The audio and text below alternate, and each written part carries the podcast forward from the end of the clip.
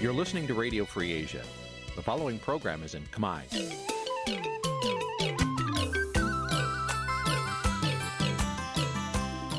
នេះជាកម្មវិធីផ្សាយ Vuthu Azizi Serai នេះជាកម្មវិធីផ្សាយរបស់ Vuthu Azizi Serai ជាភាសាខ្មែរ Vuthu Azizi Serai សូមស្វាគមន៍លោកអ្នកនាងទាំងអស់ពីរដ្ឋធានី Washington នៃសហរដ្ឋអាមេរិក ចាប់ពីរដ្ឋធានី Washington នាងខ្ញុំម៉ៅសុធានីសូមជម្រាបសួរលោកអ្នកស្ដាប់ទាំងអស់ជាទីមេត្រីចាយើងខ្ញុំសូមជូនការផ្សាយសម្រាប់ព្រឹកថ្ងៃប្រហ័ស8កើតខែផល្គុនឆ្នាំឆ្លូវត្រីស័កពុទ្ធសករាជ2565ហើយដល់ត្រូវនៅថ្ងៃទី10ខែមីនាគ្រិស្តសករាជ2022ជាដំបូងនេះសូមអញ្ជើញលោកអ្នកនាងកញ្ញាស្ដាប់ព័ត៌មានប្រចាំថ្ងៃដែលមានមេត្តាដូចតទៅ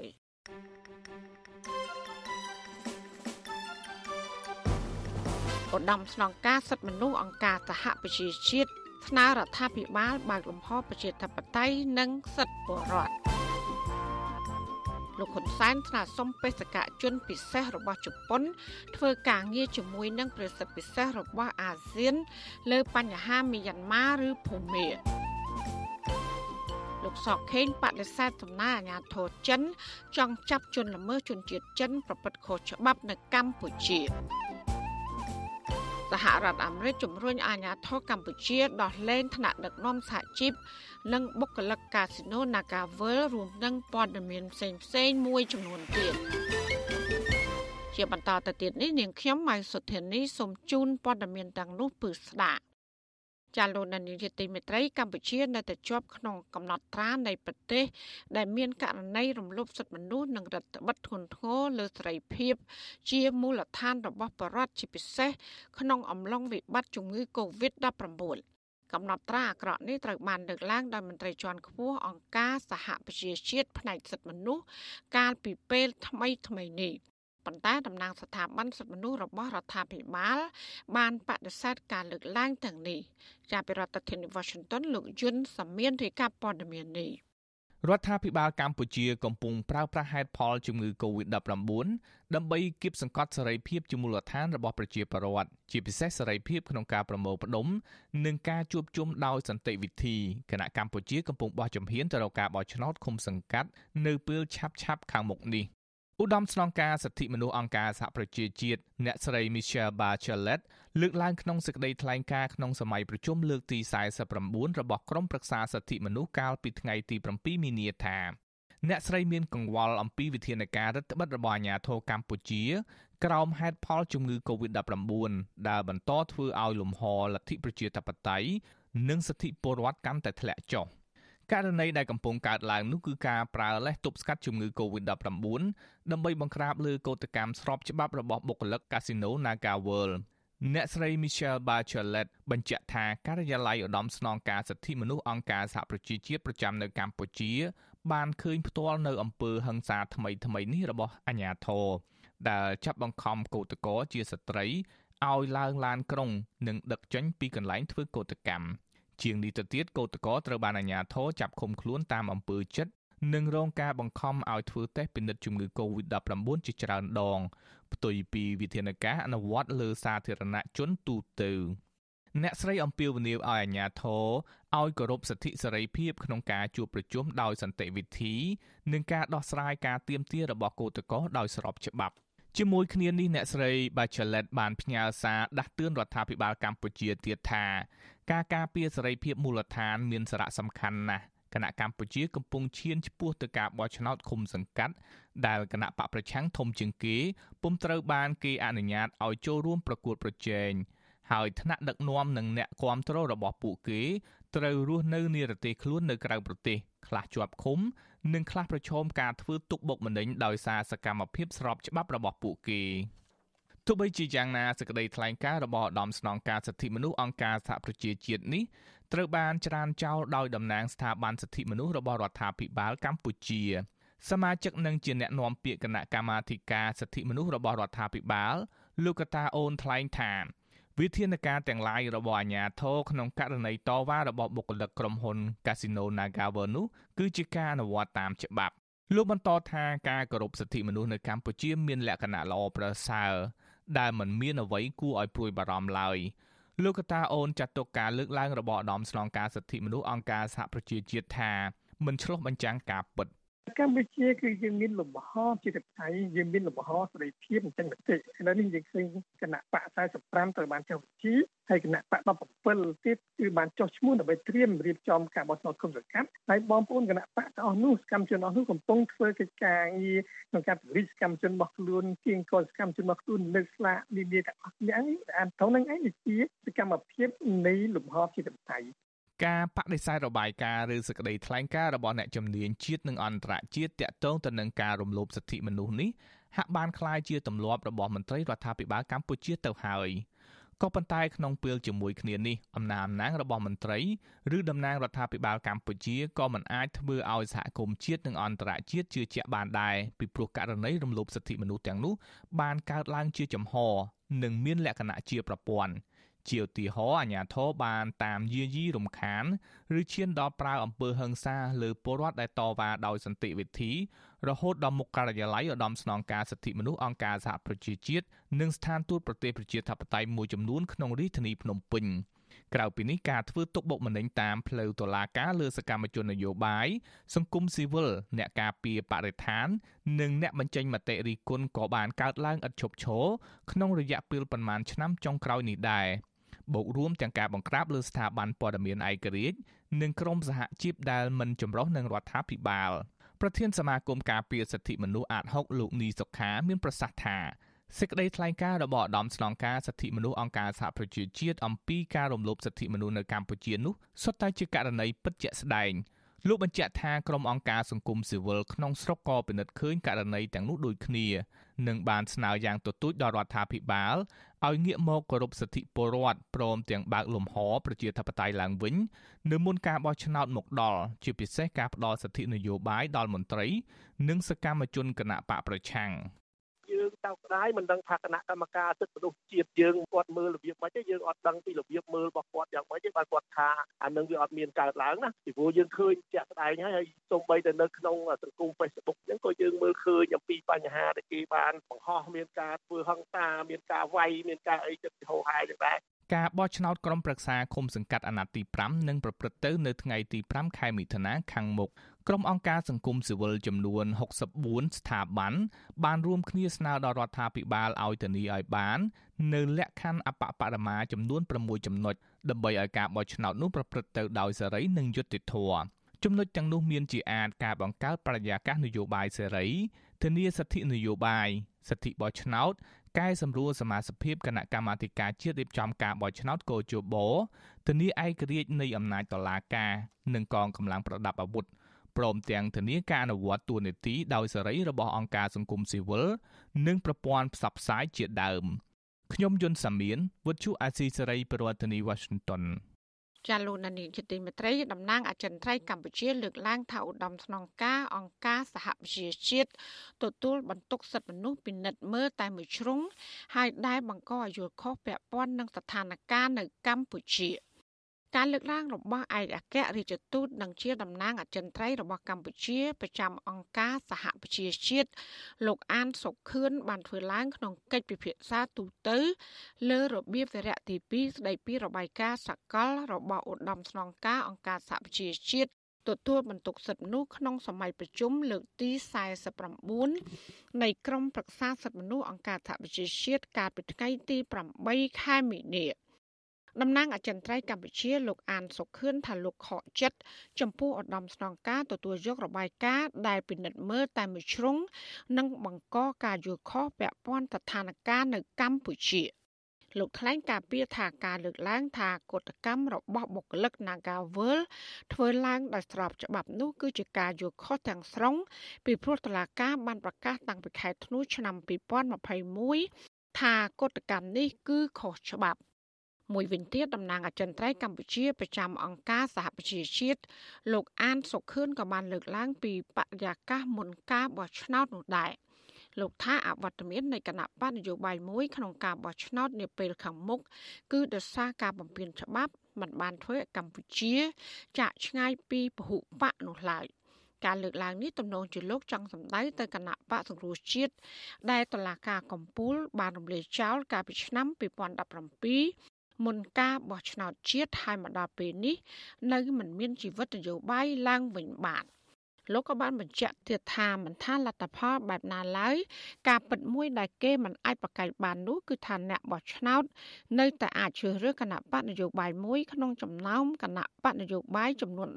17ដែលបានចុះបញ្ជីរួចហើយសម្រាប់ការប្រកួតប្រជែងការបោះឆ្នោតឃុំសង្កាត់នាពេលខាងមុខ។ ជារឿយៗកម្ពុជាតែងព្យាយាមឆ្លើយការពីខ្លួនដោះសារពីអំពើរំលោភសិទ្ធិមនុស្សដែលប្រព្រឹត្តដោយអាជ្ញាធររដ្ឋាភិបាលដោយសំអាងលើការអនុវត្តច្បាប់ក៏ប៉ុន្តែអំណះអំណាងទាំងនេះមិនត្រូវបានសហគមន៍ជាតិនិងអន្តរជាតិយល់ស្របតាមនោះឡើយខណៈដែលអំពើរំលោភសិទ្ធិមនុស្សនៅកម្ពុជាត្រូវបានគេដឹងឮជាទូទៅ និងរកឃើញជាក់ស្ដែងជាបន្តបន្ទាប់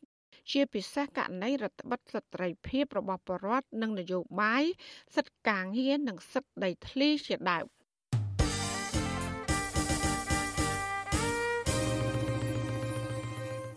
ចាលោកដានៀងកញ្ញាកំពុងស្ដាប់ការផ្សាយរបស់វិទ្យុអាស៊ីស្រីផ្សាយចេញពីរដ្ឋធានី Washington ស្ត្រីខ្មែរម្នាក់សញ្ជាតិអាមេរិកកញ្ញាសេងធីរីគឺជាស្ត្រីលេចធ្លោម្នាក់ក្នុងចំណោមអ្នកដែលចេញតវ៉ាក្នុងឆ្នាំ2021និងនៅដើមឆ្នាំ2022នេះដើម្បីបង្ហាញឲ្យសាធារណជនបានឃើញនៅគំរូភាពក្នុងការតស៊ូមតិដោយភាពក្លាហានមិនរៀថយនិងប្លែកៗ តើអ្នកការពារសិទ្ធិមនុស្សនិងអ្នកវិភាគយល់ឃើញដូចម្ដេចចំពោះកញ្ញាសេងធារីដែលហ៊ានអនុវត្តសិទ្ធិសេរីភាពរបស់ខ្លួនក្នុងសង្គមបច្ចុប្បន្នចាសសេចក្តីរាយការណ៍ពុស្ដាមពីរឿងនេះលោកអ្នកនាងនឹងបានស្ដាប់នាពេលបន្តិចទៀតនេះចាលោកនាងជាទីមេត្រីវិទ្យុអសីស្រីផ្សាយតាមរលកធាតុអាកាសខ្លីឬ short wave តាមកម្រិតនិងកម្ពស់ដូចតទៅ ចាប់ពេលព្រឹកចាប់ពីម៉ោង5កន្លះដល់ម៉ោង6កន្លះតាមរយៈរលកធារកាខ្លី9390 kHz ស្មើនឹងកម្ពស់ 32m និង11850 kHz ស្មើនឹងកម្ពស់ 25m ចាសម្រាប់ពេលយប់ចាប់ពីម៉ោង7កន្លះដល់ម៉ោង8កន្លះគឺតាមរយៈរលកធាតុអាកាសខ្លី9390 kHz ស្មើនឹងកម្ពស់ 32m និង15155 kHz ស្មើនឹងកម្ពស់ 20m ចាសសូមអរគុណចាលោកនាងកញ្ញាជាទីមេត្រីលោកនាយករដ្ឋមន្ត្រីហ៊ុនសែនថ្នាក់សុំប្រេសិទ្ធពិសេស របស់រដ្ឋាភិបាលជប៉ុន លោកយូហ៊ីសាសាកាវ៉ាឲ្យបន្តធ្វើការជាមួយរដ្ឋមន្ត្រីការបរទេសកម្ពុជា និងជាប្រេសិទ្ធពិសេសរបស់ប្រធានអាស៊ានលោកប្រាក់សុខុន ដើម្បីបញ្ចប់អំពើហិង្សានៅប្រទេសមីយ៉ាន់ម៉ាឬភូមាការស្នើសុំនេះធ្វើឡើងក្នុងជំនួបពិភាក្សាការងាររវាងលោកហ៊ុនសែននិងលោកយូហ៊ីសាសាកាវ៉ាដែលជាប្រធានអង្គការ The Nippon Foundation និងជាប្រេសិទ្ធពិសេសរបស់ជប៉ុន សម្រាប់ការផ្សះផ្សាជាតិនៅមីយ៉ាន់ម៉ាកាលពីថ្ងៃទី7ខែមីនានៅវិមានសន្តិភាព លោកហ៊ុនសែនបានសរសេរនៅលើគណនី Facebook របស់លោក កាលពីថ្ងៃទី7ខែមីនាថាទិសដៅសំខាន់របស់ប្រធានបដូវវេនអាស៊ាននៅឆ្នាំនេះ គឺប្រឹងប្រែងដោះស្រាយបញ្ចប់អំពើហិង្សានៅប្រទេសមីយ៉ាន់ម៉ានាំមកលទ្ធិប្រជាធិបតេយ្យជូនដល់ប្រទេសនេះនិងនាំយកជំនួយមនុស្សធម៌ទៅឲ្យប្រជាជនមីយ៉ាន់ម៉ាជាដើម ប្រសិទ្ធពិសេសរបស់ប្រធានអាស៊ានសម្រាប់បញ្ហាមីយ៉ាន់ម៉ាលោកប្រាក់សុខុនក្រុងនឹងបំពេញទស្សនកិច្ចជាលើកដំបូងទៅកាន់ប្រទេសភូមាចាប់ពីថ្ងៃទី20ដល់ថ្ងៃទី23ខែមីនាខាងមុខក៏ប៉ុន្តែកម្មវិធីលម្អិតនៃដំណើរទស្សនកិច្ចរបស់លោកនេះថាតើលោកនឹងជួបភាគីពាក់ព័ន្ធណាខ្លះនៅមិនទាន់ត្រូវបានក្រសួងការបរទេសកម្ពុជាប្រកាសឲ្យដឹងនៅឡើយ លោកប្រាក់សុខុនបានសរសេរនៅលើទំព័រ Facebook របស់លោកក្រោយពីជំនួបជាមួយនឹងលោកយូហ៊ីសាសាកាវ៉ាកាលពីថ្ងៃទី7ខែមីនាថាពួកលោកសង្កេតឃើញថាការអនុវត្តកិច្ចព្រមព្រៀង5ចំណុចរបស់អាស៊ាន ដោយភាគីមីយ៉ាន់ម៉ាហាក់បីដូចជាយឺតជាងការរំពឹងទុក រដ្ឋាភិបាលជប៉ុនធ្លាប់បានជួយកម្ពុជាក្នុងការកសាងនិងស្ដារសន្តិភាព នៅពេលដែលកម្ពុជាកំពុងជួបប្រទះការបែកបាក់នយោបាយផ្ទៃក្នុង និងសង្គ្រាមនៅដើមទសវត្សរ៍ឆ្នាំ90 ជប៉ុនមានទំនាក់ទំនងល្អជាមួយនឹងបណ្ដាប្រទេសអាស៊ានទាំងអស់និងជាតួអង្គសម្របសម្រួលដ៏សំខាន់ក្នុងការជំរុញឲ្យមីយ៉ាន់ម៉ាឬភូមាទទួលយកកិច្ចព្រមព្រៀងជាឯកច្ឆន្ទទាំង5ចំណុចរបស់សមាគមអាស៊ាន។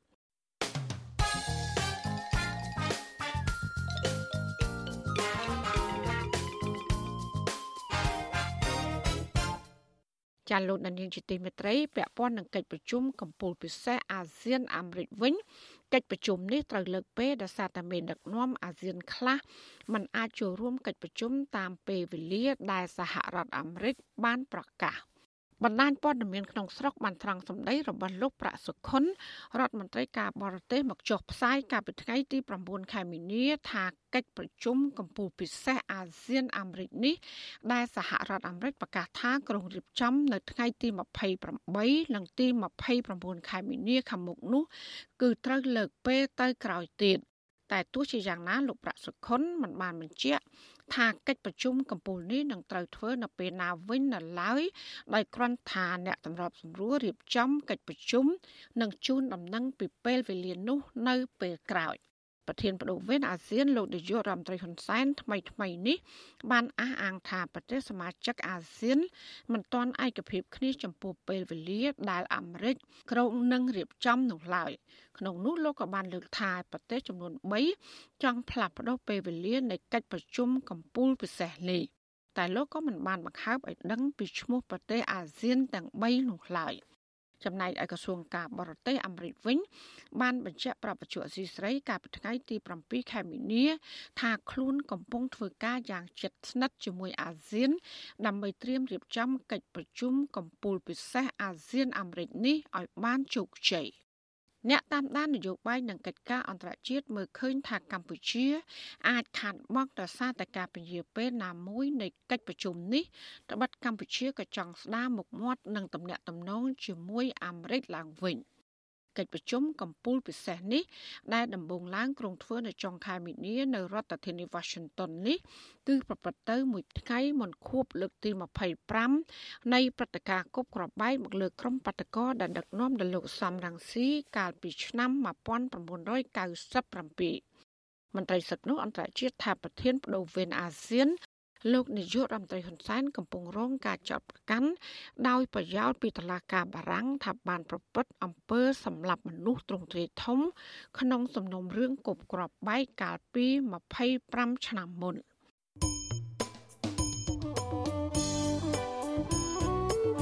ចាលោកនាងជាទីមេត្រីក្រៅតែពីការតាមដានការផ្សាយរបស់វិទ្យុអសីស្រីតាមបណ្ដាញសង្គម Facebook YouTube Telegram លោកនាងកញ្ញាក៏អាចស្ដាប់ការផ្សាយរបស់យើងតាមបណ្ដាញសង្គម Instagram របស់វិទ្យុអសីស្រីតាមរយៈតំណ link www.instagram.com/rfa ខ្មែរ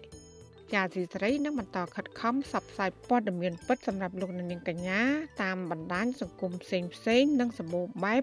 ដើម្បីឲ្យលោកនាងងាយស្រួលតាមដានការផ្សាយរបស់យើងគ្រប់ពេលវេលា និងនៅគ្រប់ទីកន្លែងតាមរយៈទូរស័ព្ទដៃរបស់លោកអ្នកចាសសូមអរគុណ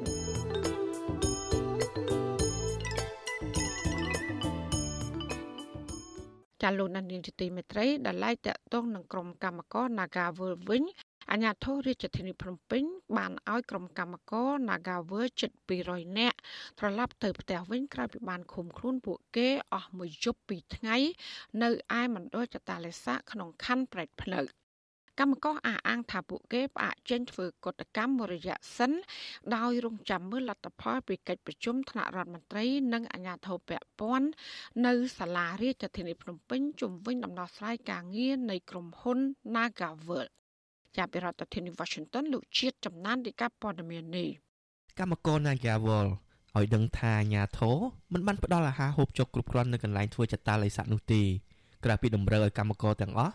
ផ្ដល់សំណើដល់ក្រុមគ្រូពេទ្យដើម្បីរកជំងឺ Covid-19 ប៉ុន្តែពួកគេមិនព្រម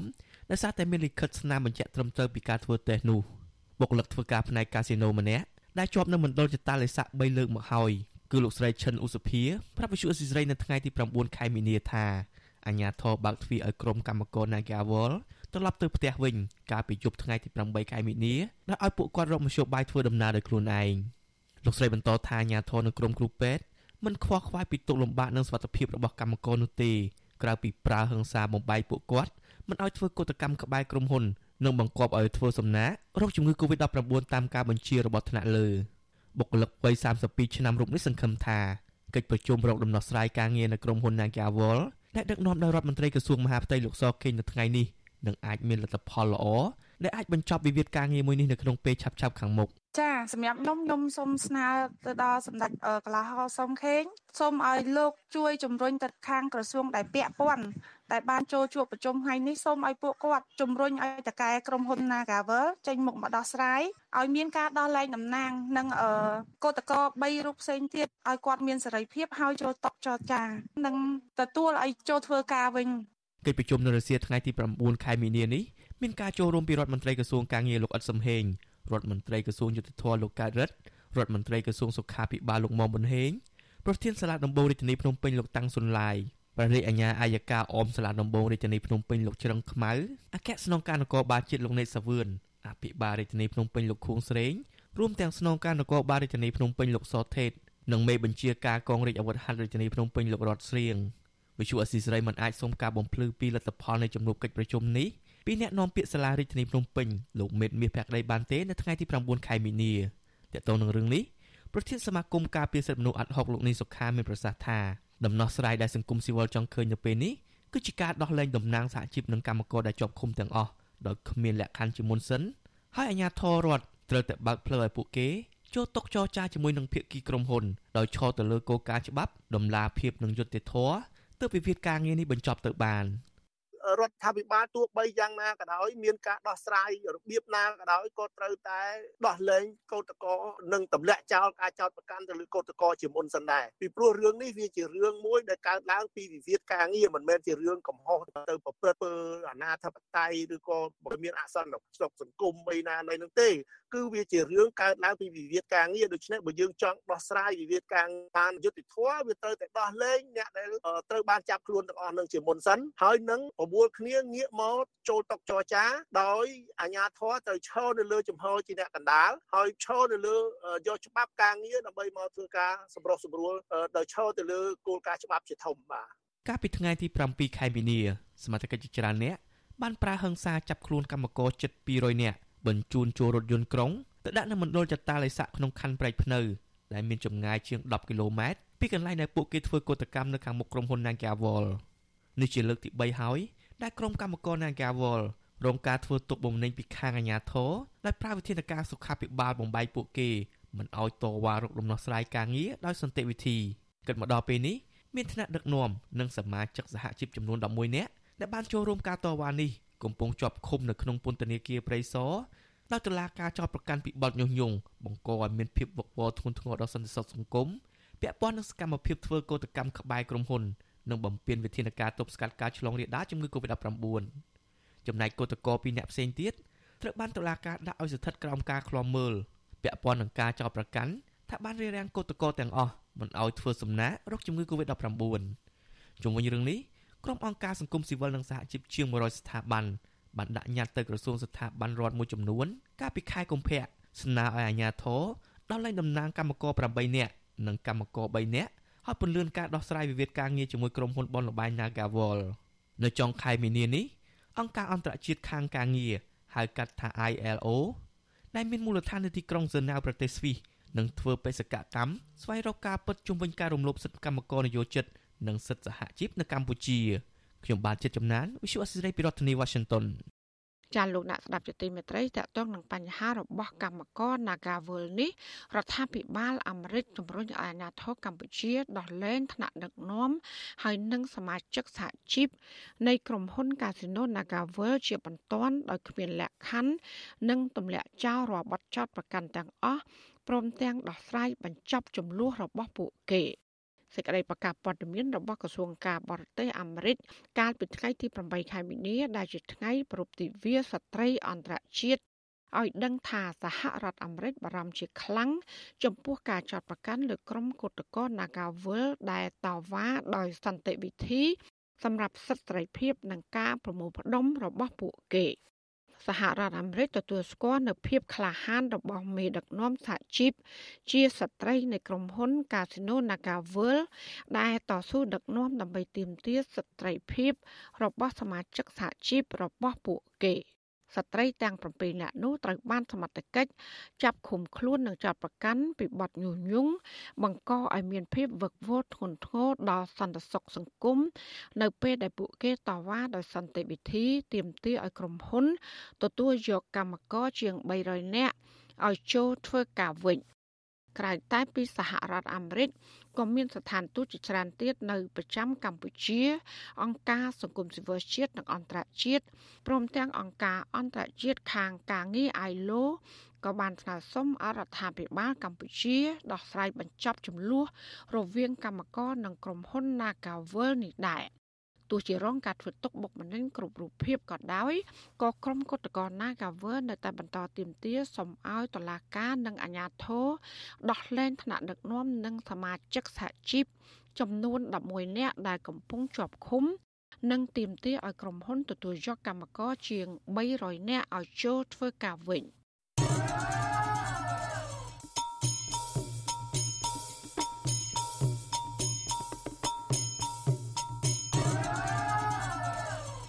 ចាលោកនានីជាទីមេត្រីនៅឯខេត្តស្ទឹងត្រែងឯនោះវិញប្រជាពលរដ្ឋរស់នៅស្រុកថាឡាបរវត្តចោតអាជ្ញាធរមូលដ្ឋាន ថាបានដើរគម្រាមកំហែងប្រជាពលរដ្ឋតាមផ្ទះបង្ខំឲ្យបោះឆ្នោតជូនគណៈបកប្រជាជនកម្ពុជា ដើម្បីជាធ្នូធ្វើបានក្រីក្រជូនពួកគាត់ចំណែកអាជ្ញាធរឃុំវិញបានបដិសេធនឹងការចោទប្រកាន់នេះ ប្រជាប្រដ្ឋរស់នៅភូមិមលងភេស្រុកថាឡាបរវត្តឲ្យដឹងថាអាញាធរឃុំមលងភេមួយចំនួន កំពុងដើរគម្រាមកំហែងតាមផ្ទះប្រាប់ឲ្យពួកគាត់បោះឆ្នោតឲ្យគណៈបកប្រជាជនកម្ពុជាទៅអាញាធរចែកបានក្រីក្រជូនបរដ្ឋអ្នកភូមិថាអាញាធរធ្វើបែបនេះជិតពីសប្តាហ៍មកហើយធ្វើឲ្យប្រជាពលរដ្ឋមិនសប្បាយចិត្តនិងមានការភ័យខ្លាច បរដ្ឋរស់នៅភូមិមលងភេលោកអុកបូរីប្រាប់វត្ថុអសីស្រីនៅថ្ងៃទី9ខែមីនាថាសមាជិកក្រុមប្រឹក្សាឃុំមលងភេលោកអ៊ីវព្រីនបានដើរគម្រាមប្រជាប្រដ្ឋពេញភូមិឲ្យចូលជាសកម្មជនគណៈបកកណ្ដាលអំណាចនិងបង្ខំឲ្យបោះឆ្នោតឲ្យគណៈបកនេះជាធ្នូបានបានក្រីក្រដើម្បីសម្រាលជីវភាពរស់នៅលោកបន្តថាបរដ្ឋភិកច្រើនមិនពេញចិត្តចំពោះទង្វើបែបនេះព្រោះជាការទិញទឹកចិត្តពួកគាត់ដោយខុសច្បាប់ លោកបញ្ជាក់ថាប្រដ្ឋក្រីក្រខ្លះសម្រាប់ចិត្តធ្វើការទាំងបង្ខិតបង្ខំដោយសារតែពួកគេខ្លាចមានបញ្ហាដល់ក្រុមគ្រួសារក្រោយពេលបោះឆ្នោតរួចគេបង្ខំយើងឲ្យចូលគណៈបកអីនោះគេថាគម្រាមមកភូមិកាលពីចុងខែកុម្ភៈកន្លងទៅ សមាជិកក្រុមប្រឹក្សាឃុំមន្លងភេលោកអៀវព្រីងបានជួបប្រជុំជាមួយក្រុមបរដ្ឋជាច្រើនអ្នកដើម្បីឃោសនាឲ្យបរដ្ឋបោះឆ្នោតឲ្យគណៈបកប្រជាជនកម្ពុជា។ អ្នកភូមិថាលោកអ៊ីវព្រីងបានសន្យាប្រាប់បរដ្ឋថាបើបរដ្ឋណាបោះឆ្នោតឲ្យគណៈបកកណ្ដាលអំណាចនឹងទទួលបានបានក្រីក្រដោយថវិកាជាប្រចាំខែពីរដ្ឋាភិបាលឆ្លើយតបរឿងនេះសមាជិកក្រុមប្រឹក្សាឃុំមលងភេលោកអ៊ីវព្រីងច្រានចោលចំពោះការលើកឡើងនេះដែលលើកហេតុផលថាគឺជារឿងមិនពិតអូមិនទេមិនពីណានិយាយរដ្ឋាភិបាលបាននិយាយអីទេគេចិត្តទៅចោទចិត្តថាទៅណា ចំណែកអភិបាលស្រុកថាឡាបរវត្តលោកជាសរឿនវិញ មានប្រសាសន៍ថាលោកពុំទទួលបានព័ត៌មាននេះនៅឡើយទេ តែយ៉ាងណាលោកនឹងចាត់ឲ្យមន្ត្រីស្រុកចុះស្រាវជ្រាវរឿងនេះលោកថាជាគោលការណ៍អាជ្ញាធរស្រុកមិនដែលណែនាំអាជ្ញាធរឃុំធ្វើដូច្នេះឡើយ រឿងបានក្រីក្ររឿងបាក់រឿងបាក់ផ្សេងពីគ្នារឿងបានក្រីក្រគេគិតអាហ្នឹងស្អាតគោលនយោបាយគណៈបកប្រជាជនតាពីដើមមកដែលគេឲ្យដល់បានក្រីក្រហើយគេមិនដែលទៅធ្វើអញ្ចឹងទេអ្នកអត់គេដោះស្រាយហើយអ្នកអត់គេសង្គ្រោះគេជួយជុំវិញរឿងនេះមន្ត្រីសម្របសម្រួលសមាគមអាត់ហុកខេត្តតឹងត្រែងលោកប៊ីវ៉ានីចាត់ទុកទង្វើរបស់សមាជិកក្រុមប្រឹក្សាឃុំរូបនេះថាជាការរំលោភសិទ្ធិប្រជាពលរដ្ឋដែលផ្ទុយពីច្បាប់ និងគោលការណ៍ណែនាំរបស់ក្រសួងមហាផ្ទៃ លោកក៏ជំរុញអាជ្ញាធរខេត្តតឹងត្រែងគួរចាត់វិធានការចំពោះអាជ្ញាធរមូលដ្ឋានមួយចំនួន ដែលប្រើទូនីតិនិងអំណាច បំពានសិទ្ធិប្រជាពលរដ្ឋនៅក្នុងការបោះឆ្នោតទៅគម្រាមកំហែងប្រជាពលរដ្ឋឲ្យគ្រប់គ្រងគណៈបក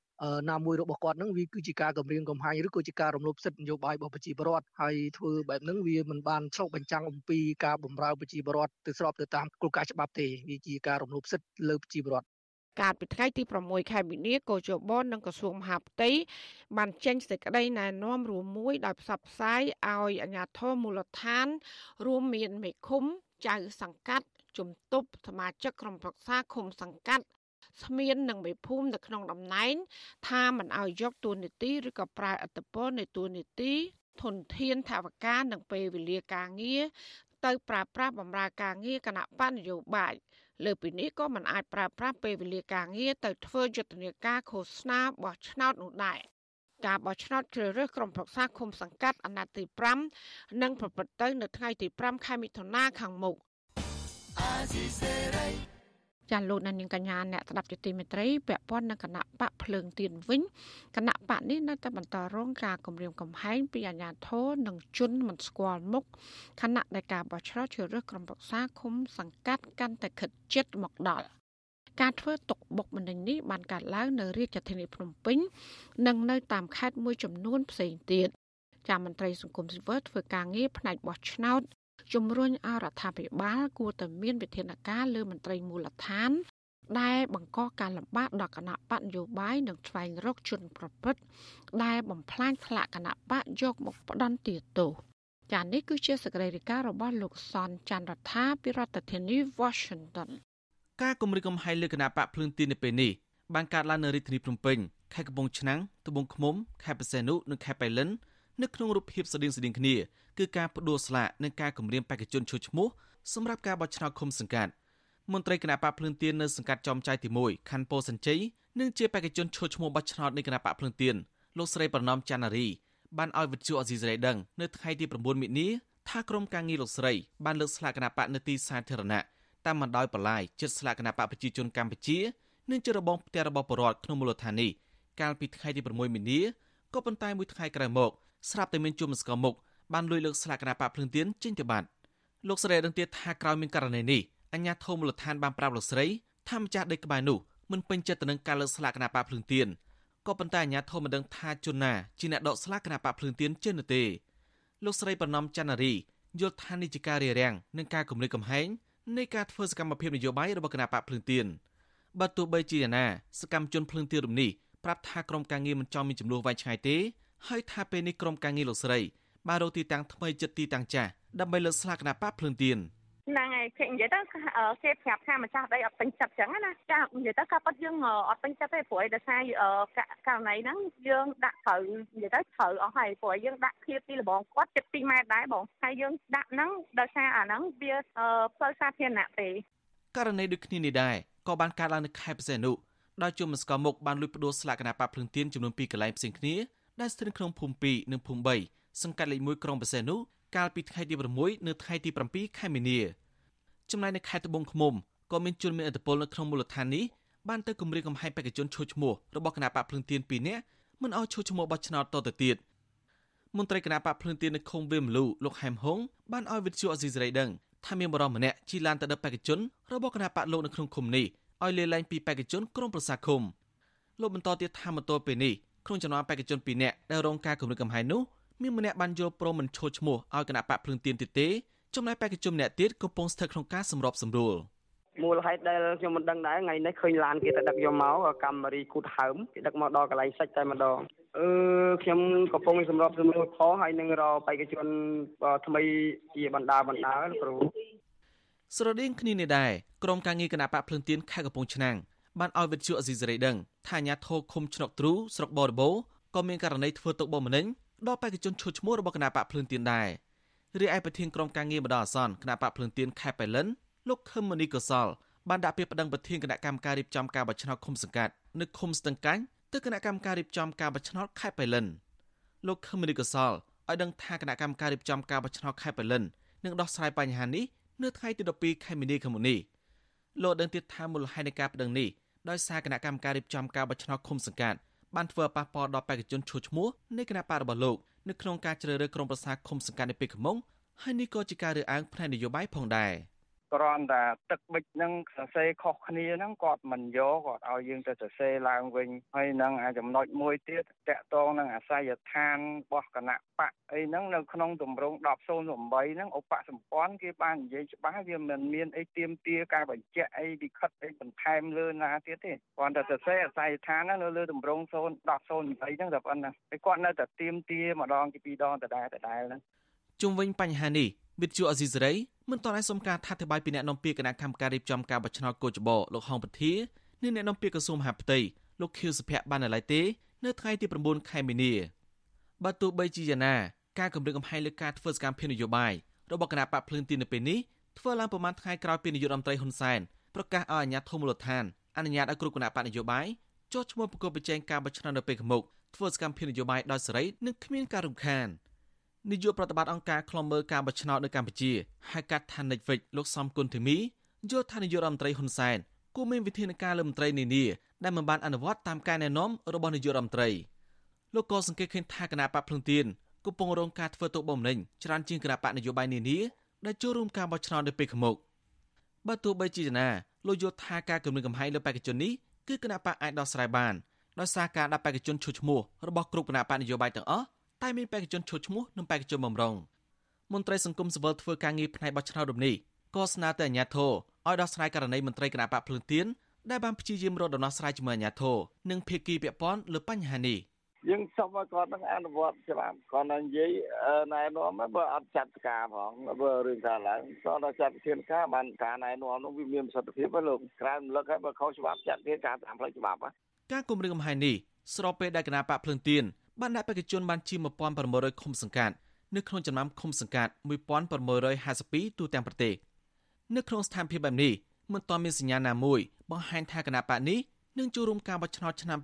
2022និងឆ្នាំ2023ខាងមុខនៅឡើយទេខ្ញុំសនចាររថាវិទ្យុអេស៊ីសេរីរាយការណ៍ពីរដ្ឋធានីវ៉ាស៊ីនតោនចាលោកនាងកញ្ញាកំពុងស្ដាប់ការផ្សាយរបស់វិទ្យុអាស៊ីសេរីផ្សាយចេញពីរដ្ឋធានី Washington អត្រាមរណភាពរបស់កុមារនិងម្ដាយមានការថយចុះជាច្រើន គួរឲ្យកត់សម្គាល់ក្នុងប្រមាណឆ្នាំកន្លងមកនេះទីភ្នាក់ងារសហរដ្ឋអាមេរិកសម្រាប់ការអភិវឌ្ឍអន្តរជាតិ USAID ឲ្យដឹងថាការបង្កើនលទ្ធភាពទទួលបានសេវាសុខភាពចាំបាច់គឺរួមចំណែកដល់ការធ្លាក់ចុះយ៉ាងខ្លាំងនៃអត្រាមរណភាពរបស់កុមារនិងម្ដាយ។ ចាសសេចក្តីរាយការណ៍ពីស្ដាមពីរឿងនេះលោកនាងក៏នឹងបានស្ដាប់នាពេលបន្តិចទៀតនេះចាសសូមអរគុណ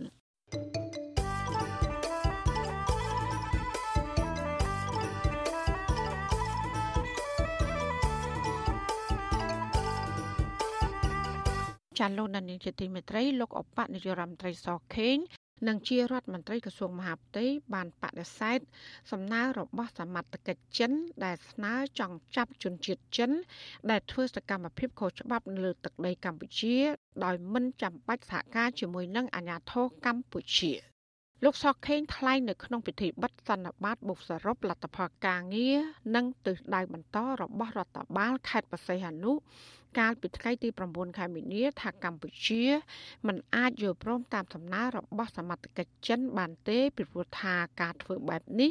គឺរំលោភលើអធិបតេយ្យកម្ពុជាលោកសខេងបានថែមថាប្រសិនបើកម្ពុជាអនុញ្ញាតឲ្យចិន ធ្វើដូច្នេះនោះកម្ពុជាក៏ត្រូវអនុញ្ញាតឲ្យប្រទេសផ្សេងទៀតដែលកំពុងមានការិយាល័យសហប្រតិបត្តិការជាមួយកម្ពុជាសពថ្ងៃធ្វើដូចគ្នានេះដែរ លោកក៏បានបញ្ជាក់ថាកម្ពុជាប្រតិបត្តិការជាមួយសមត្ថកិច្ចនៃប្រទេសជាច្រើនទៀតទោះបីជាលោកសខេងមិនព្រមព្រៀងតាមសំណើរបស់អាញាធរចិនដោយគិតពីអធិបតេយ្យបែបនេះក្តីក៏ក្រុមអ្នកតាមដានកិច្ចការសង្គមមើលឃើញថាកម្ពុជា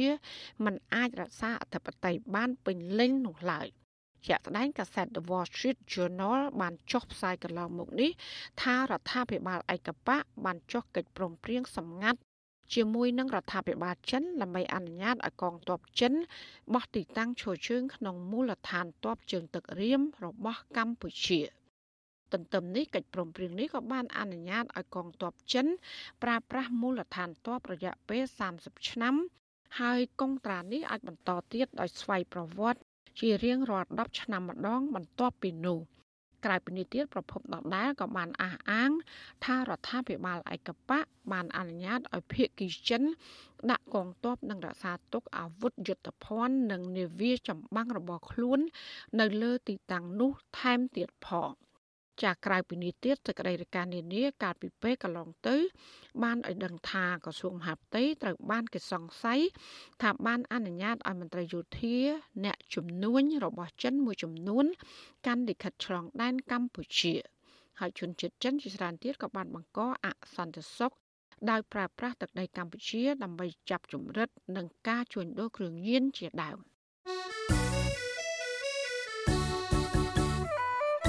ចាលោកនាងជាទីមេត្រីវិទ្យុអសីស្រីផ្សាយតាមរលកធាតុអាកាសខ្លីឬ short wave តាមកម្រិតនិងកម្ពស់ដូចតទៅចាប់ពេលព្រឹកចាប់ពីម៉ោង5កន្លះដល់ម៉ោង6កន្លះតាមរយៈរលកធាតុអាកាសខ្លី9390 kHz ស្មើនឹងកម្ពស់ 32m និង11850 kHz ស្មើនឹងកម្ពស់ 25m ចាសម្រាប់ពេលយប់ចាប់ពីម៉ោង7កន្លះដល់ម៉ោង8កន្លះគឺតាមរយៈរលកធាតុអាកាសខ្លី9390 kHz ស្មើនឹងកម្ពស់ 32m និង15155 kHz ស្មើនឹងកម្ពស់ 20m ចាសសូមអរគុណ ចាលោកនានីជាទីមេត្រីស្ត្រីខ្មែរសញ្ជាតិអាមេរិកកញ្ញាសេងធីរី គឺជាស្ត្រីលេចធ្លោម្នាក់ក្នុងចំណោមអ្នកចេញតាវ៉ាក្នុងឆ្នាំ2021និងដើមឆ្នាំ2022នេះគឺដោយសារតែកញ្ញាបានបង្ហាញអសាធារណជន បានឃើញនៅគំរូភាពក្នុងការតស៊ូមតិដោយភាពក្លាហានឥតស្រកស្រត់មិនរាថយនិងប្លែកប្លែក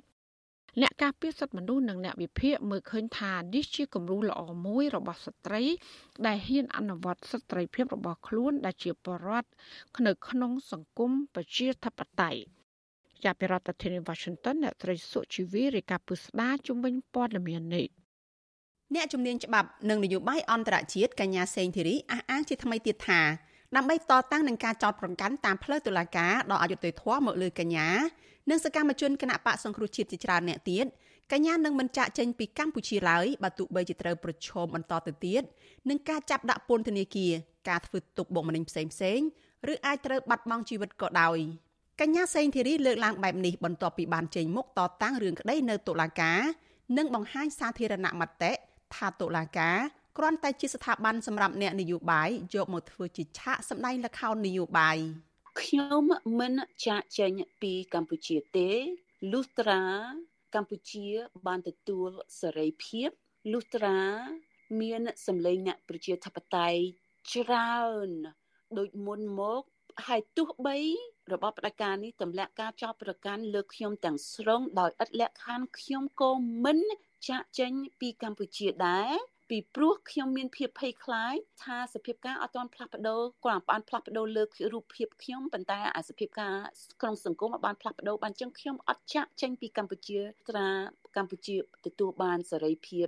ហើយមានថ្នាក់ដឹកនាំបែបលទ្ធិប្រជាធិបតេយ្យឬមានសម្លេងកោះកបែបលទ្ធិប្រជាធិបតេយ្យដែលអាចជួយទប់ទល់ភាពងងឹតដោយបច្ចុប្បន្ននេះ នៅពេលមានសវនកម្មសំណុំរឿងរបស់កញ្ញាសេងធីរីនៅតុលាការភ្នំពេញម្ដងម្ដងកញ្ញាតែងតែតែងតួប្លែកប្លែកខុសៗពីគ្នាពីមួយទៅមួយដំបូងឡើយកញ្ញាចូលទៅតុលាការនៅក្នុងសម្លៀកបំពាក់ធម្មតាប៉ុន្តែបានកាត់សក់ខ្លីដោយប្រកាសថាត្រៀមខ្លួនជាប់ពន្ធនាគារកុំឲ្យពិបាកថែសក់មិនឲ្យកើតចៃនិងកើតកមរមាស់ក្បាលបន្ទាប់មកទៀតកញ្ញាបានសម្រេចកោសក់ដ៏ខ្លីនោះចោលតែម្ដង ឲ្យកាន់តែងាយស្រួលថែទាំប្រសិនបើត្រូវជាប់ពន្ធនាគារក្រោយមកទៀតកញ្ញាបានធ្វើឲ្យភ្ញាក់ផ្អើលដោយតែងខ្លួនជាតួទេពអប្សរនាងអប្សរាប៉ុន្តែអប្សរក្បាលត្រងោលដែលខ្មែរគ្រប់គ្នាមិនធ្លាប់ឃើញនាងទេពអប្សរអត់សក់បែបនេះពីមុនមកទេ បន្ទាប់ពីនោះកញ្ញាធីរីក៏បានបដូរទៅជាស្លៀកពាក់បែបបរោះប្រចាំប្រទេសវិញមិនទាន់ចាប់ត្រឹមនេះទេសវនកម្មក្រោយមកទៀត កញ្ញាសេងធីរីបានស្លៀកសម្លៀកបំពាក់អ្នកជាប់ឃុំនៅក្នុងពន្ធនាគារគឺខោអាវពណ៌ស្លាទុំឬពណ៌ទឹកក្រូចដោយសំអាងថាតុលាការអាចកាត់ឲ្យកញ្ញាជាប់ពន្ធនាគារបានគ្រប់ពេលវេលា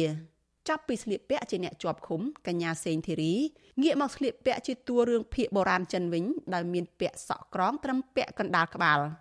សវនាការថ្មីថ្មីចុងក្រោយនេះកញ្ញាបានតែងខ្លួនជាស្ត្រីចូលរួមកម្មវិធីពេលរាត្រីពាក់អាវវាលដៃ ដោយមានសរសេរលេខ9នៅលើដើមដៃដែលបញ្ជាក់ថាកញ្ញាគាំទ្រដំណើរវិលទៅកម្ពុជាវិញរបស់លោកសំរងស៊ីកាលពីថ្ងៃទី9ខែវិច្ឆិកាឆ្នាំ2019ដែលនោះគឺជាដើមចមដែលតុលាការចោទប្រកាន់កញ្ញានិងសកម្មជនគណៈបកសង្គ្រោះផ្សេងទៀតពីបទរួមគំនិតក្បត់និងបទញុះញង់ជាមួយគ្នានេះ កញ្ញាមិនភ្លេចពាក់ខ្នោះជើងដែលកញ្ញាចង់ភ្ជាប់របបដឹកនាំបច្ចុប្បន្ននេះទៅរបបខ្មែរក្រហម ដែលកញ្ញាធ្លាប់ជាប់គុកយ៉ាងអយុត្តិធម៌ដោយមើលឃើញចំណុចទាំងនេះអ្នកធ្វើការងារលើស្ទួយសិទ្ធិស្ត្រីនិងអ្នកវិភាគចាត់ទុកកញ្ញាសេងធីរីថាជាគំរូសម្រាប់ការតស៊ូរបស់ស្ត្រី ដែលគួរទទួលបានការសរសើរពីភាពក្លាហានមិនចុះញោមការតស៊ូមិនរាថយនិងវិធីសាស្ត្រប្លែកប្លែក ប្រធានសហព័ន្ធសហជីពកម្មករចំណីអាហារនិងសេវាកម្មកម្ពុជា អ្នកស្រីអ៊ូទេផលីនប្រាប់វិទ្យុអាស៊ីសេរីថាក្នុងការតស៊ូមតិទាមទារឲ្យមានទាំងភាពក្លាហាន ការបត់បែននិងការបង្កើតគំនិតប្លែកប្លែកដោយដែលកញ្ញាសេងធីរីបានធ្វើកន្លងមក អ្នកស្រីផលីនបន្តថានេះអាចចាត់ទុកថាជាគំរូសម្រាប់ស្ត្រីខ្មែរនៅពេលដែលស្ត្រីខ្មែរភៀសច្រើនរស់នៅក្នុងគំនាបសង្គមដែលធ្វើឲ្យពួកគេមិនហ៊ានចេញតតាំងនឹងភាពអយុត្តិធម៌ ជាមួយគ្នានេះអ្នកស្រីក៏លើកទឹកចិត្តឲ្យកញ្ញាសេងធីរីចែករំលែកបទពិសោធន៍ដែលកញ្ញាធ្វើបាននេះទៅស្ត្រីខ្មែរផ្សេងទៀតតាមរយៈការចងក្រងបណ្ដាញស្ត្រីនៅផ្នែកផ្សេងផ្សេងទៀតឬគៀងកសម្លេងឲ្យចូលរួមជាមួយកញ្ញាបន្ថែមទៀតដើម្បីឲ្យសម្លេងស្ត្រីកាន់តែរឹងមាំទីមួយខ្ញុំសរសើរពីទេពកសល នៅក្នុងការច្នៃប្រឌិតរបស់គាត់របៀបតស៊ូមតិណាបាទតួ មានអ្នកខ្លះថាគាត់ឈួតគាត់ធ្វើអីប្លែកប្លែកក៏ដោយប៉ុន្តែមកពីអ្នកទាំងនោះអត់តបានយល់ពីគំនិតនៅក្នុងការច្នៃប្រឌិតដើម្បីឲ្យមានការតាក់ទាញទៅដល់សាធារណជនឲ្យដឹងថាតើគាត់កំពុងធ្វើអីជាការផ្ញើសារទៅសាធារណជនផងហើយទី2ខ្ញុំមើលឃើញពីភាពអង់អាចក្លាហានរបស់គាត់ទៅក្នុងការដើរចូលទីលានណាមានន័យថាទីលានដែលគ្រោះថ្នាក់ តែគេអាចចាប់អាចចងគាត់អាចចោទគាត់គ្រប់បែបយ៉ាងតែគាត់មានថាគាត់បានយកឈ្នះនៅភាពភ័យខ្លាចសម្រាប់ខ្លួនឯងនឹងបានមិនខុសគ្នានេះដែរប្រធានក្រុមអ្នកវិភាគវ័យក្មេងកញ្ញាលីស្រីស្រស់មើលឃើញថាសកម្មភាពរបស់កញ្ញាសេងធីរីគឺជាគំរូនៅក្នុងពេលដែលសេរីភាពជាមូលដ្ឋានរបស់ប្រជាពលរដ្ឋកំពុងត្រូវរឹតបន្តឹងហើយឆ្លុះបញ្ចាំងថាស្ត្រីកំពុងតែហ៊ានចេញមុខអនុវត្តសិទ្ធិ និងទាមទារនៅអ្វីដែលមានធានានៅក្នុងច្បាប់ឬក៏តស៊ូតទល់នឹងភាពអយុត្តិធម៌សកម្មភាពនៃភាពក្លាហានរបស់បុគ្គលណាមួយនៅក្នុងសង្គមប្រជាធិបតេយ្យវាបានជំរុញឬក៏លើកទឹកចិត្តឲ្យយុវជនផ្សេងទៀតហ្នឹង ក្លាហាននៅក្នុងការហ៊ានប្រើប្រាស់សិទ្ធិរបស់ខ្លួនដែលមានអនុលោមទៅតាមច្បាប់នៅប្រទេសកម្ពុជាយើងយើងកុំនិយាយថាស្ត្រីសំបីតែពលរដ្ឋទូទៅបរោះអីក៏ដោយការប្រើប្រាស់សិទ្ធិឬក៏ការសម្ដែងមតិជាសាធារណៈដែលដែលមានលក្ខណៈរិះគន់រដ្ឋាភិបាលឬក៏លើកលើកឡើងអំពីចំណុចខ្សោយហ្នឹង ភាគច្រើនគឺមិនសូវហ៊ានទេហើយបើសិនជាយើងមើលក្នុងទស្សនវិជ្ជាការប្រើប្រាស់សិទ្ធិរបស់សកម្មជនអតីតគណៈបព្វឆាំងបងធីរីហ្នឹងបង្ហាញថាស្ត្រីហ្នឹងគឺជាអ្នកដើរតួមុខដើម្បីបង្ហាញចំហរបស់ខ្លួននៅក្នុងសង្គមវិជាតៃនៅពេលនិយាយដល់ភាពក្លាហានសុកចិត្តក្រាញនៅក្នុងប្រទេសកញ្ញាសេងធីរីបញ្ជាក់ថាមិនមែនដោយសារតែកញ្ញាសំអាងថាកញ្ញាមានសញ្ជាតិពីរនោះទេប៉ុន្តែដោយសារតែបញ្ហាសិលធម៌ទៅវិញទេ គឺកញ្ញាមិនអាចទទួលយកបាន ចំពោះការចោទប្រកាន់ដោយអយុត្តិធម៌ និងបំពានច្បាប់មកលើកញ្ញាដែលយល់ដឹងពីផ្នែកច្បាប់នេះជាមួយគ្នានេះកញ្ញាផ្ដល់ទស្សនៈថា នៅទីណាក៏ដោយដំណាក់កាលណាក៏ដោយដើម្បីឲ្យស្ត្រីក្លាហាន គឺចាំបាច់ត្រូវផ្ដល់ចំណេះដឹងទៅដល់ពួកគេឲ្យពួកគេដឹងពីទួលនីតិការទទួលខុសត្រូវពីសិទ្ធិសេរីភាព និងពីពិភពខាងក្រៅជាការប្រថុយប្រឋានមិនមែនដោយ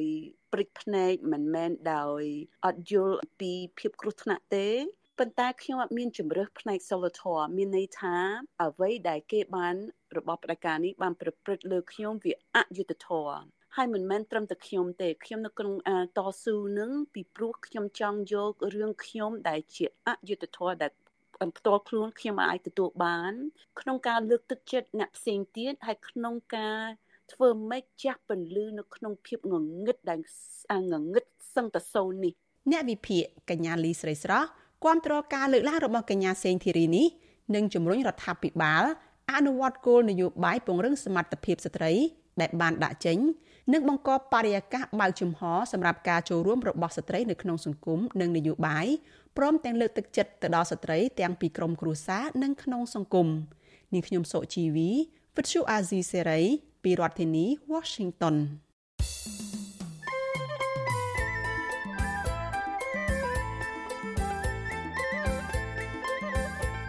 នេតិសុខភាព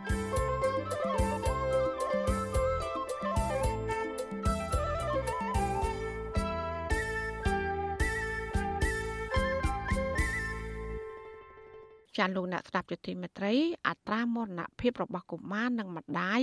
មានការថយចុះជាច្រើនគួរឲ្យកត់សម្គាល់ក្នុងប្រមាណឆ្នាំកន្លងមកនេះ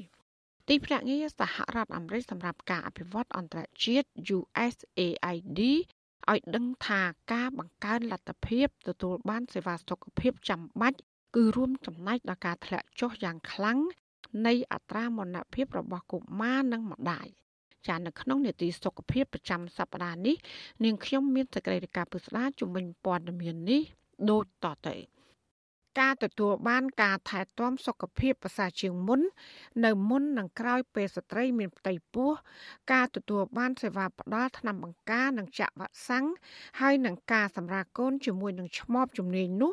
គឺជាកត្តាចម្បងដែលជំរុញឲ្យអត្រាមរណភាពរបស់មាតានិងទារកមានការថយចុះយ៉ាងច្រើនគួរឲ្យកត់សម្គាល់ក្នុងប៉ុន្មានឆ្នាំកន្លងមកនេះ។ របាយការណ៍របស់មូលនិធិកុមារអន្តរជាតិរបស់អង្គការសហប្រជាជាតិ UNICEF ឲ្យដឹងថាចាប់ពីឆ្នាំ2000ដល់ឆ្នាំ2019អត្រាមរណភាពរបស់ទារកនិងកុមារអាយុក្រោម5ឆ្នាំបានថយចុះប្រមាណ75%ពីចំនួន106ករណីមកនៅត្រឹម26ករណីក្នុងកំណត់រស់1000នាក់ចំណែកអត្រាមរណភាពមេដាវិញក្នុងអំឡុងពីឆ្នាំ2000ដល់ឆ្នាំ2017 ក៏មានការថយចុះយ៉ាងគំហុកពី488ករណីមកនៅត្រឹម160ករណីស្លាប់ក្នុង100,000នាក់កំណើតរស់អ្នកសម្របសម្រួលរបស់គម្រោងលើកកម្ពស់អេរយាប័តប្រកបដោយសុខុមាលភាពនៃទីភ្នាក់ងារសហរដ្ឋអាមេរិកសម្រាប់ការអភិវឌ្ឍអន្តរជាតិ USAID កញ្ញាញឹកស្រីឡែនឲ្យដឹងថាគម្រោងលើកកម្ពស់អេរយាប័តប្រកបដោយសុខុមាលភាព និងគម្រោងលើកកម្ពស់សេវាថែទាំសុខភាព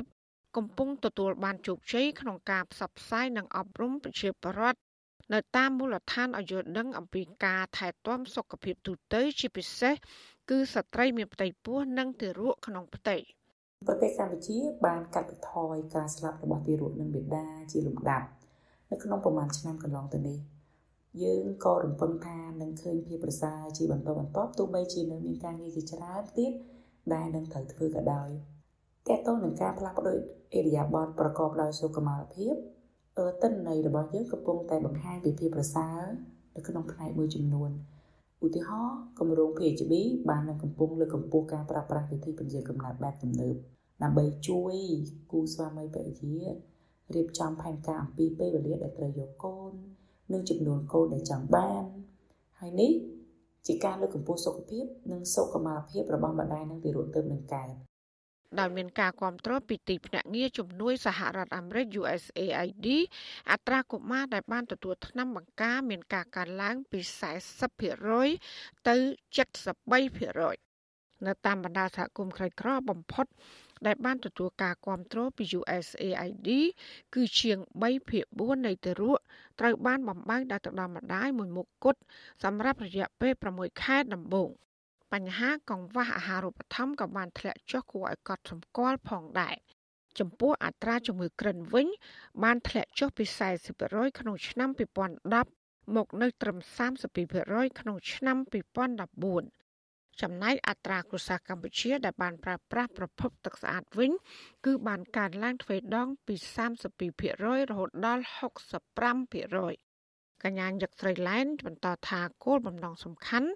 នៃគម្រោងទាំងពីររបស់ USAID នេះគឺផ្ដល់ការអប់រំផ្សព្វផ្សាយអំពីការលើកកម្ពស់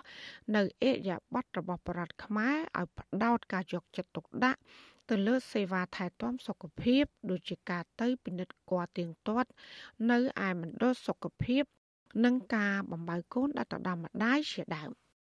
EQHA និង PHB គឺជាគម្រោង2ដែលបានទទួលការឧបត្ថម្ភថវិកាដោយ USAID ដោយធ្វើការសហការយ៉ាងជិតស្និទ្ធជាមួយនឹងក្រសួងសុខាភិបាល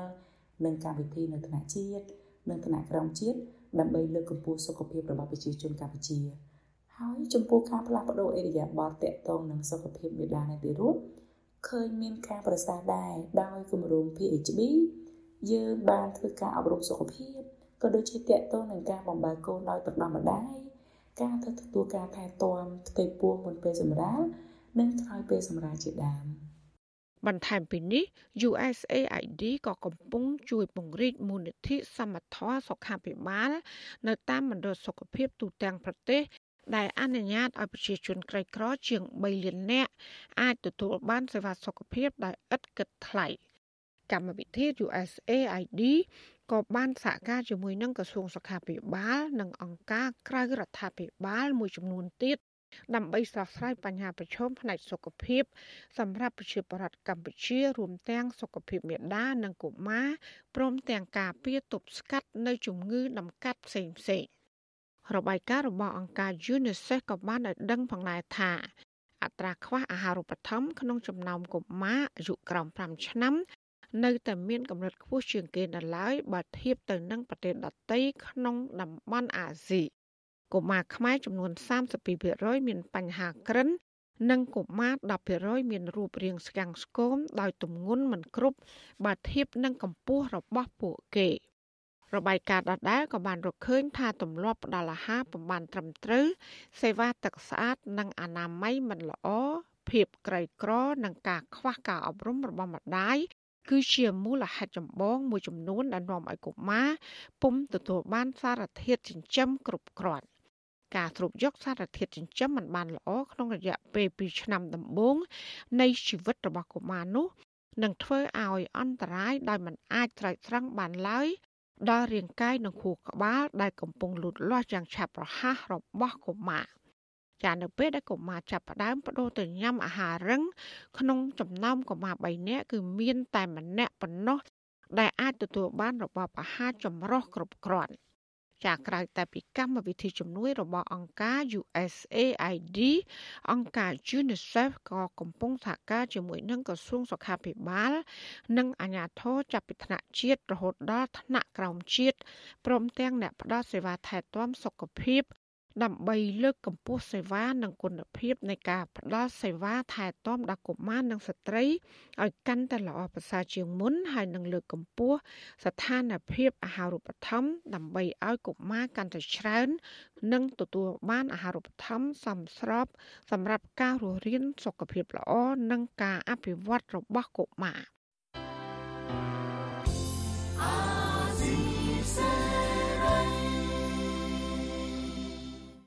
ចាលោកលានាងកញ្ញាអ្នកស្ដាប់ជាទីមេត្រីការផ្សាយរយៈពេល1ម៉ោងរបស់វិទ្យុអាស៊ីស្រីជាភាសាខ្មែរនៅពេលនេះចាប់តែប៉ុណ្ណេះចាយើងខ្ញុំទាំងអស់គ្នាសូមជូនពរលោកលានាងនិងក្រុមគ្រួសារទាំងអស់សូមជួបប្រកបតែនឹងសេចក្តីសុខសេចក្តីចម្រើន ជានិរន្តរ៍ចានាងខ្ញុំម៉ៅសុធានីព្រមទាំងក្រុមការងារទាំងអស់របស់អាស៊ីស្រីសូមអរគុណនិងសូមជម្រាបលា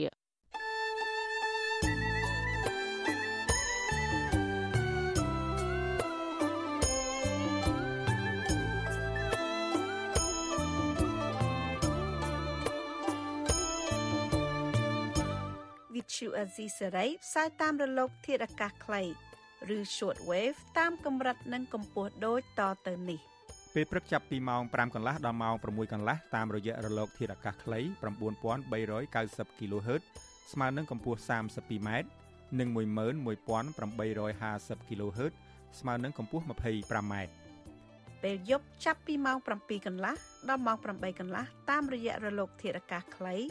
9390 kHz ស្មើនឹងកម្ពស់ 32m